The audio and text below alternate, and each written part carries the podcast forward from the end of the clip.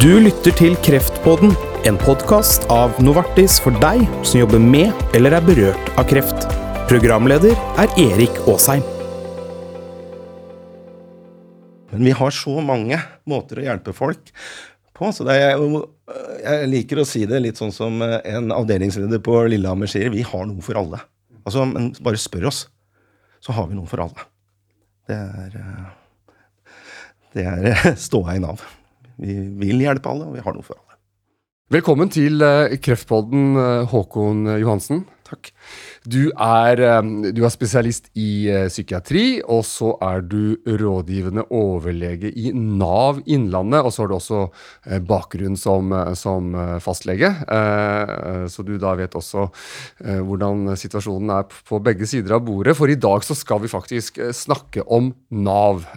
og og hvordan Nav kan eh, hjelpe deg som grunnet sykdom har vært ute av arbeidslivet, til å komme tilbake til en, til en ny hverdag. Eller kanskje enda bedre, eh, for det skal vi snakke mye om. Hvordan kan dette skje samtidig med en eh, behandling? Fordi forskning slår fast at arbeid og utdannelse parallelt med behandling gir best resultater. Og da spesielt når tiltak i regi av Nav eller arbeidsgiver er eh, koordinert med eh, behandlingen. Så, så, Håkon Johansen, det er altså ikke slik at man, eh, at man må vente til man har blitt helt frisk for å begynne å jobbe igjen? Nei, det, forskningen viser at uh, man uh, får en bedre tilknytning til arbeidslivet mm og, um, om man begynner med dette her samtidig. Uh, vi liker å si samtidig, fordi parallelt det er to prosesser som går ved siden av hverandre, men som ikke er integrert. Ja, så derfor så tar jeg med samtidig der. Ja, ja. Eh, og så er det jo spennende også at samme forskning viser også at dette er bra for helsa di. Mm. Så, så, så, sånn sett er dette veldig spennende. Mm. Men eh, her ligger det jo en liten risiko der. Altså, faktum er vel at, at mange, mange eh, kreftpasienter ikke har kontakt med hva skal vi si, andre offentlige myndigheter enn helsevesenet? Ja, de løper den risikoen. Ja. Uh, og noe av grunnen til det det har jo noe med alvorligheten av eh, sykdommen å gjøre. Mm. Dette er det også forsket på, som viser at eh, både arbeidsgiver og Nav uh, er noe reserverte mm. i forhold til det å ha kontakt med mennesker med alvorlige diagnoser. For det trenger ikke bare å være kreft, det fins jo andre alvorlige sykdommer også, men, men her spesielt kreft. da. og det er litt uheldig, fordi Eh, vi tenker jo at vi i Nav kunne ha eh, tilbudt noe på veien sammen med, med, med pasient eller bruker. Men, men, hva skyldes den vegringen? Altså, er det også fordi at uh, dette altså Folk som jobber i Nav, er jo også mennesker. Altså, mm. er, er, er, det litt sånn frykten for denne, denne, vanskelige samtalen med en alvorlig syk person? Er det, er det noen Det er det vi tror. Ja. Det er det vi tror som ligger til grunn. Og at man uh, er redd for at man skal legge en byrde altså en sten til byrden, da, mm. eh, for den som lider av kreft. Mm. Så man reserverer seg av den grunn. Men det er også denne menneskelige faktoren som du eh, sier her, ja. hvor, eh, hvor eh, man da reserverer seg for å gå inn i disse vanskelige samtalene. Mm. Og eh, er man ikke bevisst det, så, så at, at, denne reservasjonen finnes hos oss alle, så, så, vil det kunne påvirke den oppfølginga du får ifra Nav. Altså. Mm, ja. Og du er, jo, du er jo, også psykiater, ikke sant? Så, du, så, du, kan jo en del om den, den eh, menneskelige psyken. Og mm. da tenker jeg det er jo eh, Trenger man noe spesialkompetanse for å klare å ta den, denne vanskelige samtalen? Altså, Hvordan jobber dere i Nav for å, for å bedre denne, denne veiledningstjenesten?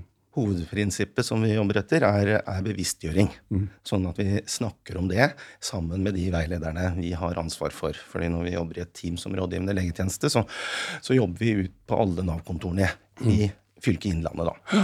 Og da, da, deler vi denne kunnskapen. Hvis jeg f.eks. får den kunnskapen om, om, kreftpasienter som jeg har lest meg opp på og, og, blitt god på, så deler jeg det i vårt kollege. Så tar de med seg det ut igjen i sine eh, kontorer. Samtidig som Nav også eh, bestreber seg jo på å være en lærende organisasjon. Så fagnettverk og sånn som vi har bygget opp i Nav de siste årene, er også veldig mye bruk hvor vi deler sånne ting. Samtidig som eh, vår rådgivende legetjeneste er jo en del av en nasjonal eh, Altså det er flere fylker som har rådgivende leger som oss.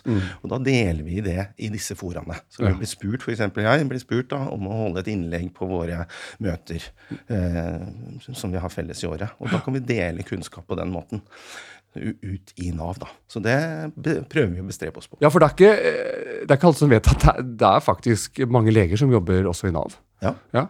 Ja, vi er en eh, ganske stor gruppe eh, leger som jobber i Nav. Rundt 100, 130 stykker i hele landet. Som jobber i forskjellige avdelinger da, i Nav. Men den største brorparten jobber i tjenestelinja der hvor jeg jobber. Altså i et fylkeskontor ut imot Nav-kontorene. Ja. Og da støtter vi Nav-veilederne i deres forståelse av eh, den medisinske dokumentasjonen som vi innhenter ganske mye av. Og da støtter vi Nav-veilederne i det. Mm. Men ikke Og så gir dere da så veiledning til, til da de som jobber på veiledningstjenesten. ikke sant? De som har direkte kontakt med, med, med brukerne. Ja, Eh, det er veilederne som ja, ikke sant? Ja. Mm. men sånn helt konkret, altså hvordan, hvordan driver dere denne opplæringen? Altså Er det sånn nærmest sånn øvelse å ta den vanskelige telefonen, eller er det, er det nesten litt, eh, litt sånn eh, grunnleggende psykologi, eller altså hvor- hvordan jobber dere? Ja. Ja, Det er veldig forskjellig Ja. fra kontor til kontor. Fordi den sammensetninga i de ulike kontorene er jo også veldig forskjellig. Så det hva behovet deres er, jobber vi ofte ut ifra. Så vi tar bestillinger fra dem. Og trenger de mer den psykologiske forståelsen for dette, så gjør vi det. Eller trenger de mer en påminnelse om at dette eh, må vi huske på når det gjelder kreftpasienter f.eks., så gjør vi det. Og dere ser resultater av dette? Altså folk blir bedre? Eh, veilederne våre Ja. blir, eh, blir bedre. Ja. Og, og vi må også huske på at vi har en, en, eh, en stor, sterk gruppe veiledere. De er Mm. veldig flinke, så de sitter jo egentlig uh, i ganske mange vanskelige samtaler hele tiden. Men så er det dette der uh, ved kreft da, som har denne ekstra brodden ved seg, med at kan, dette truer livet. Altså, Snakker jeg nå da med et menneske som står i en livskamp, og, og det blir vanskelig for veilederne. Men, men de gjør egentlig dette på veldig mange andre områder hver eneste dag. Så det jeg ofte gjør, det er å betrygge dem på at de er gode på dette her. Bare de må også huske med å inkludere kreftpasientene. Mm, mm. Sånn at de også får samme gode tjenestene som de leverer hver eneste dag. Og så er det jo eh, da slik at eh, dette mm, eh, samarbeidet som, som må skje, altså som ikke skal se parallelt, men, altså, men samtidig, eh, som du understreket, hva krever det av, av pasientene? Det krever at vi har tilgang til pasienten, altså eller brukeren. At når vi tar kontakt med brukeren, så er det for at vi er nysgjerrig på hvordan det går, og at vi har et uh, genuint ønske om å hjelpe den i den situasjonen den er. Nå uh, skjønner jo vi at det kan være vanskelig å ta imot hjelp og se nødvendigheten av at Nav skal komme inn hvis du nettopp har fått vite at du har kreft, og du skal inn i behandling, operasjoner, strå cellegift, stråling osv. Ja, Da har du ikke lyst til å få råd om hvordan du skal jobbe samtidig? Nei, det, det, det, er, det kan virke litt upassende. Og det forstår vi også. Men, eh, men, men hvis man da liksom kunne si at ok, jeg tar kontakt, eller kan ikke dere kan ta kontakt med meg om så og så lang tid, så kan vi liksom ha linja åpen, sånn at vi kan eh, få denne kontakten eh, så tidlig som mulig. Det, det tror jeg er veldig tjenlig for brukerne. For hvis, hvis eh, veilederen får lov til å kjenne brukeren godt hva som er dens mål, intensjoner, hva den kan, hva den er god på, hvilke interesser han har, så blir denne mer individualisert, den oppfølginga vi har i Nav mot den brukeren. Og jo bedre vil brukeren kjenne seg igjen i de tingene vi foreslår. F.eks.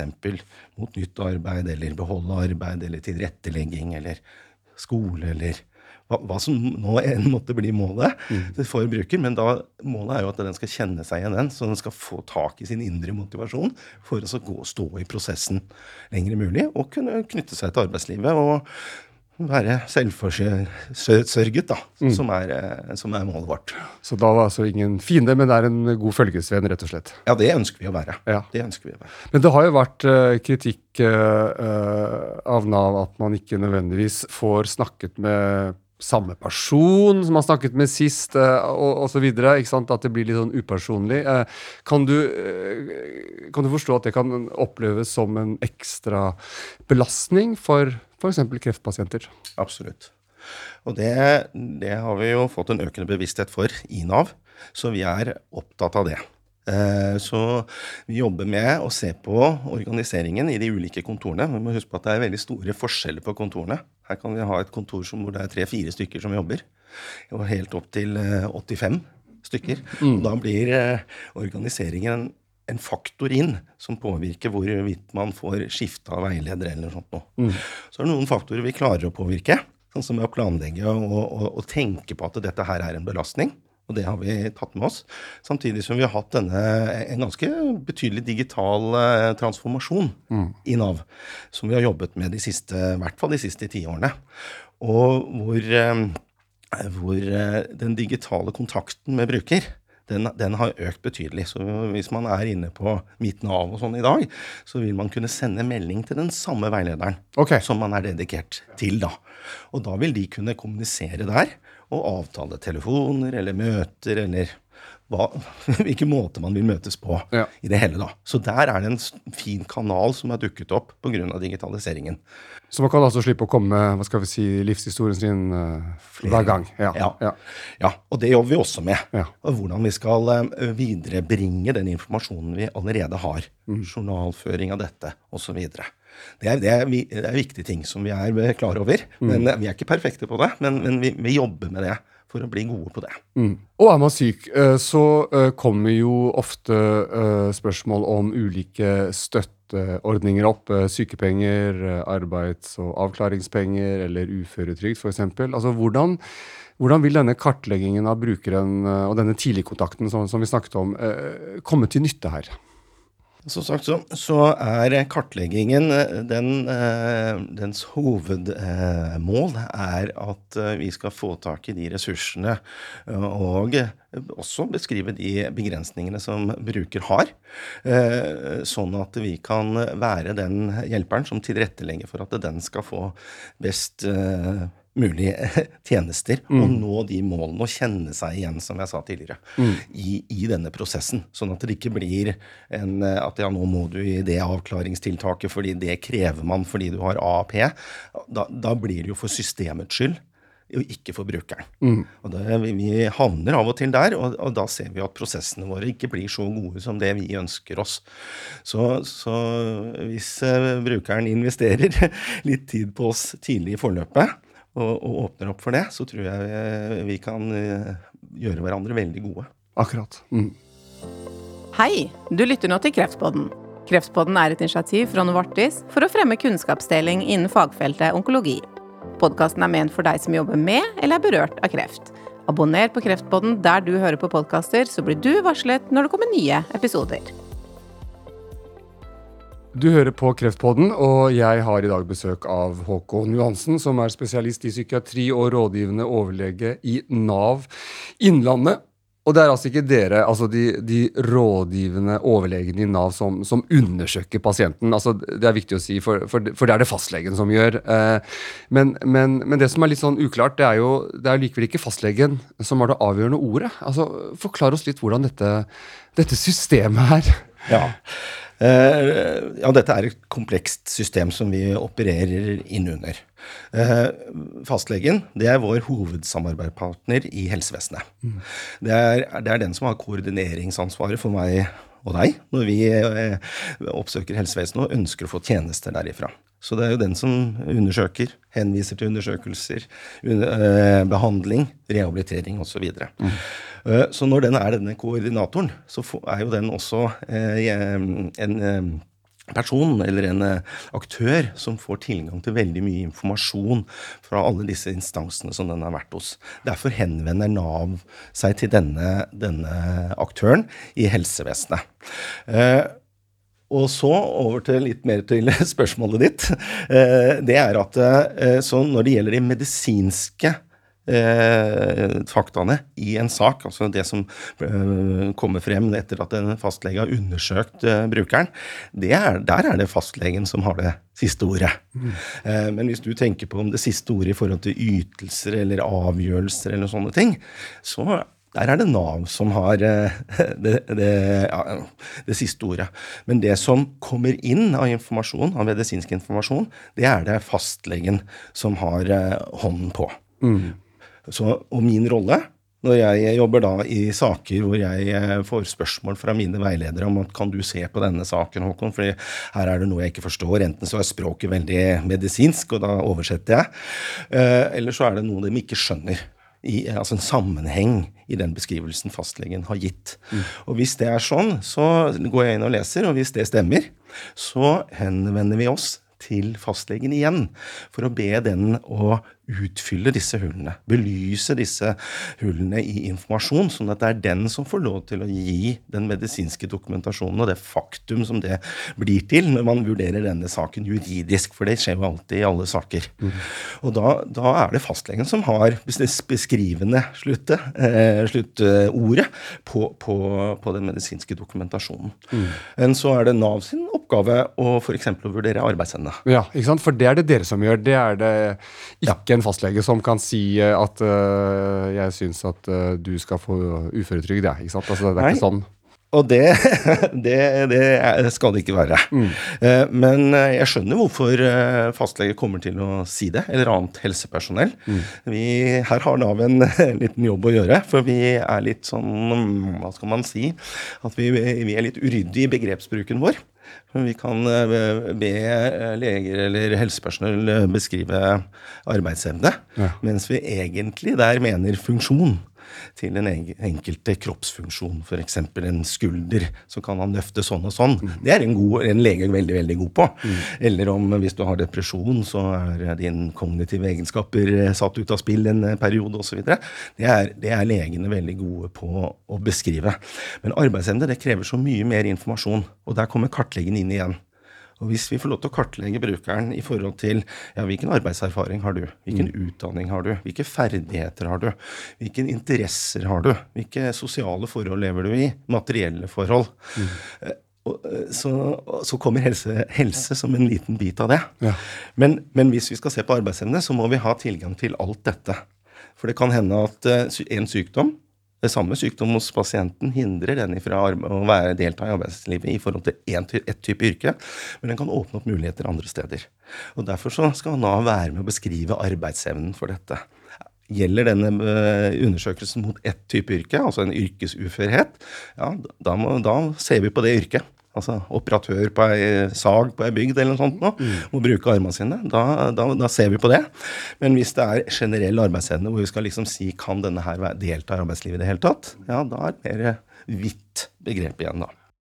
Høres utrolig komplisert og sammensatt ut, det å vurdere en persons eh, og en syk persons arbeidsevne? Absolutt. Ja, det, det, er, det, er, det, er, krevende. Det er ikke normal her, på en måte. ikke sant? Altså, du, du, det er virkelig vurdering. Det er en kjempevurdering. Og, og, Nav har jo utviklet egen metodikk på dette, som mm. vi kaller for arbeidsevnemetodikken. Så, så, her har veilederne et system og en metodikk som de læres opp i, mm. og som de blir veldig gode på. Og Det er derfor jeg sier at det er Nav som er ekspertene på det. Mm. Og vi trenger å ha eierskap til arbeidsevnebegrepet for oss selv, da. Men i blankettene våre, som vi sa tidligere, så kan vi bruke ord da, som arbeidsevne når vi spør helsepersonellet òg. Og da inviterer vi jo bruker til å forstå at ja, men hvem er det som skal beskrive arbeidsevne egentlig er. Er det legen min, eller er det Nav? ikke sant? Og hvis eh, da legen sier du, jeg tror du skal ha den og den ytelsen, fordi jeg mener arbeidsevnen din er påvirket sånn og sånn, ja, da lytter ofte med folk på legen. Legen har en sånn standing i Norge at da kommer liksom veilederen litt i annen rekke mm. når den uh, har en annen oppfatning. Og det, det, det, er, det er, en kinkig situasjon for veilederne våre å ja. komme i. Ja, ikke sant? Fordi eh, En utfordring er jo at fastlegen kan skape også gale forventninger hos pasienten. ikke sant? Som vi var så vidt innom her, men, men at man gir et slags eh, Absolutt, ja, ikke sant? Det. Eh, liksom beskjed om at jeg, jeg skal nærmest fikse en, en, en uføreordning ja. for deg. ikke sant? Ja. Altså, og så kanskje kommer dere til en annen avgjørelse. Ikke sant? Ja.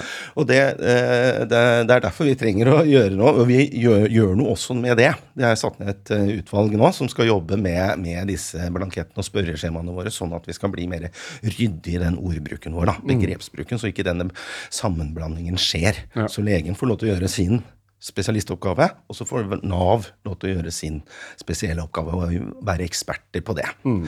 Så, så, så, ja, disse forventningene hos bruker, det er jo det er brukeren som det er mest synd på, ikke veilederen i Nav. Ja. Og ikke legen heller, holdt jeg på å si. fordi det er, det er brukeren som blir satt i dette dilemmaet. da. Mm. Hvem skal jeg lytte til? Ja, ikke sant? Og du, er jo, du har jo vært eh, fastlege også selv i mange år. Og vi vet jo det er mange fastleger også som hører på, på, på, på Kreftpodden. Så, så mm. det gode rådet er kanskje at fastlegen må være tydelig også på, hvordan denne prosessen faktisk uh, fungerer. Ja, det, det, det er et, uh, altså, et godt råd. Uh, men, men, et godt råd er at um, sånn som vi har jobba med fastlege, fastlegene i Innlandet Forbundet og mm. Legeforeningen generelt. Der har vi eh, over ja, de siste åtte årene jobbet eh, tett med de, og hvor vi da eh, har fått det rådet fra fastlegene og Legeforeningen at hvis vi er gode på bestillingene, altså ordlyden når vi ber om en legeerklæring, at den er spisset mot, og konkret imot det medisinske, og at det er en kontekstuell, altså en beskrivelse av situasjonen som brukeren befinner seg i. Og sier ja, hvis du jobber som anleggsarbeider, da er det en god del tunge løft og det er uheldig for den ryggen. Mm. Hvis, hvis, vi beskriver da at ja, dette er en person som jobber med anleggsarbeid, han har denne rygglidelsen, det tror vi påvirker hans arbeidsevne. Stemmer det, doktor? Mm. Og da skal doktoren da bekrefte det for oss. For det jobben til doktoren det er også lage det, Den er medisinsk sakkyndig for oss og lager da et dokument som sier at ja, bruker har den og den lidelsen, og det er en sannsynlighet for at det er en årsakssammenheng med det dere ser av arbeid, nedsatt arbeidsevne, mm. og den sykdommen. Mm. Og da har egentlig fastlegene og helsepersonellet gjort jobben sin for Nav, hvis de gjør det. Så det er så viktig å, minne om at selv om fastlegen uttrykker pessimisme angående behandlingsresultat, f.eks. For, for kreftpasienter, så er ikke det nødvendigvis altså, hva skal vi si, eh, tungen på vektskålen. Nei, eh, og der trekker du inn et ganske vanskelig tema. Altså behandlingspessimisme. For ja. det, det, er et, det, er et, veldig spesielt eh, begrep som blir brukt noen ganger av um, Trygderett, Nav klageinstans. Og de bruker dette i situasjoner uh, hvor sykdommen ikke er veldig entydig. Eh, og for kreftpasienter så kan dette være f.eks. fatigue. Ja. Fatigue er en veldig eh, diffus lidelse. Nå er det heldigvis sånn at kreftpasienter og, og kunnskapen om følgetilstander etter kreftbehandling har økt. Den har økt betydelig de siste ti årene, vil jeg si. Og, og, og, da ta hensyn til at det kan skje som en følge av, av kreftbehandling. Men så er det også andre eh, tilstander som har, er av en mer sånn diffus karakter. Slitenhetssyndromer osv. Og, så mm.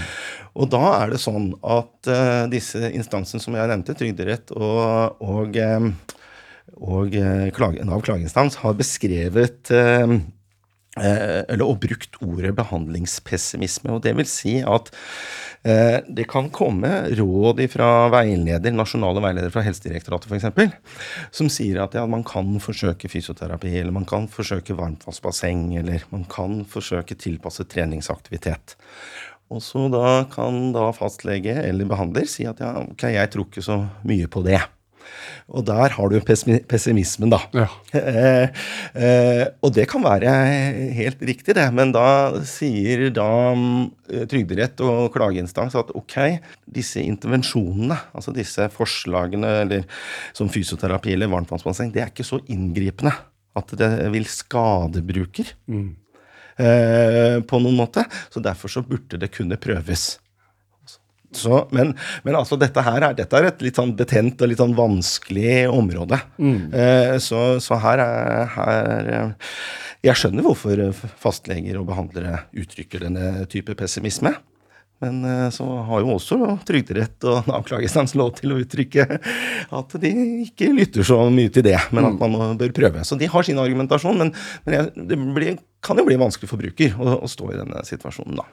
Men innenfor eh, kreftbehandlingen skal vi si det er jo mer og mer eh, kanskje behandlingsoptimisme. da, ikke sant? At Vi ser at det blir jo flere og flere kreftoverlevere. Men, men samtidig, som vi har snakket om i mange episoder i Kreftboden, så er det, kreftboden, så er det jo så er det jo også mye bivirkninger, eller sen, seneffekter, ja. ikke sant? Som, som, du nevnte, fatigue. Altså, i, selv om man er frisk, sant, så kan man jo ha perioder uh, hvor, hvor, man faktisk blir dårlig igjen. Og, mm. og, hvordan er det dere i Nav klarer å fange opp, fange opp, den biten, og ha forståelse for at uh, det er kanskje en viktig del av også dagens behandlingsløp, rett og slett? at det er periodevis bra, periodevis dårlig. Der er, der, der er jeg litt stolt av Nav.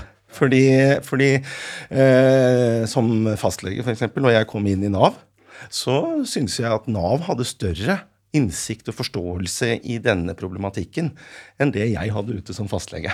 Akkurat. Så det kan jo ha noe med at, at vi ser mange eh, pasienter som blir utsatt for dette her, da og kommer inn i sykemelding eller trenger en tid på arbeidsavklaringspenger for å komme seg igjen i en periode med fatigue.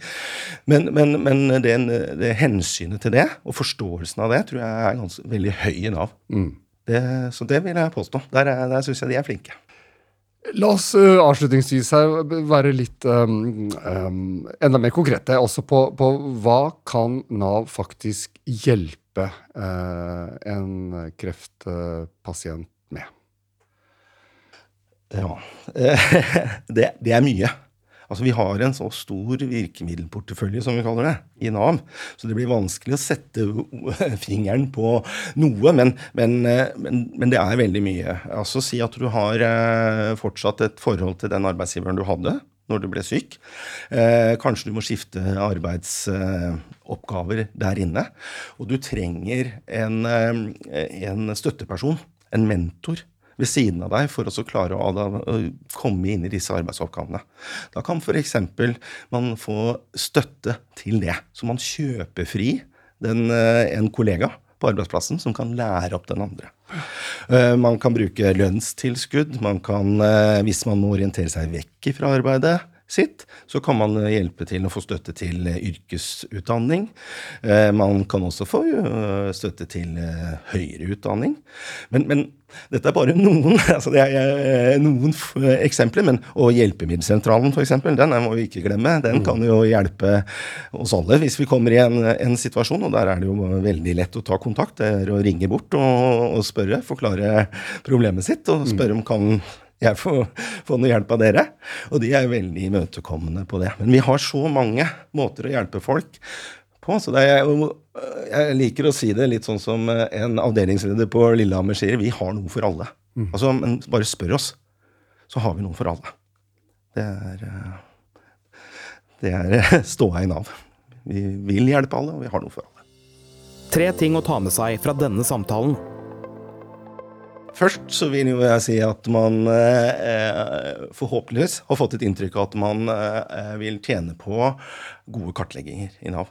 Altså bruker kan, må stille seg tilgjengelig for gode kartlegginger for Nav.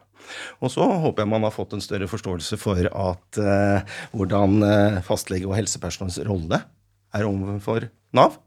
Og hvilken rolle kanskje rådgivende legetjeneste har i Nav. Det, det er mer komplekst enn det jeg har fortalt til nå. Men, eh, og at Nav er en lærende organisasjon. Altså vi ønsker tilbakemeldinger fra dere om ting går bra eller dårlig, fordi vi ønsker å lære av dette. Mm. Og viktigst av alt, eh, også det vi, eh, grunnen til at vi også har denne episoden uh, her i Kreftpodden om dette temaet, det er jo da å oppfordre helsepersonell, arbeidsgiver og andre til å hjelpe og bistå pasienter til å, til å ta kontakt med nettopp Nav. Absolutt. Og da sier jeg rett og slett takk for besøket, Håkon Johansen. Takk for meg. Du er altså spesialist i psykiatri og rådgivende overlege i Nav Innlandet. Jeg heter Erik Aasheim, og vi høres i Kreftpodden.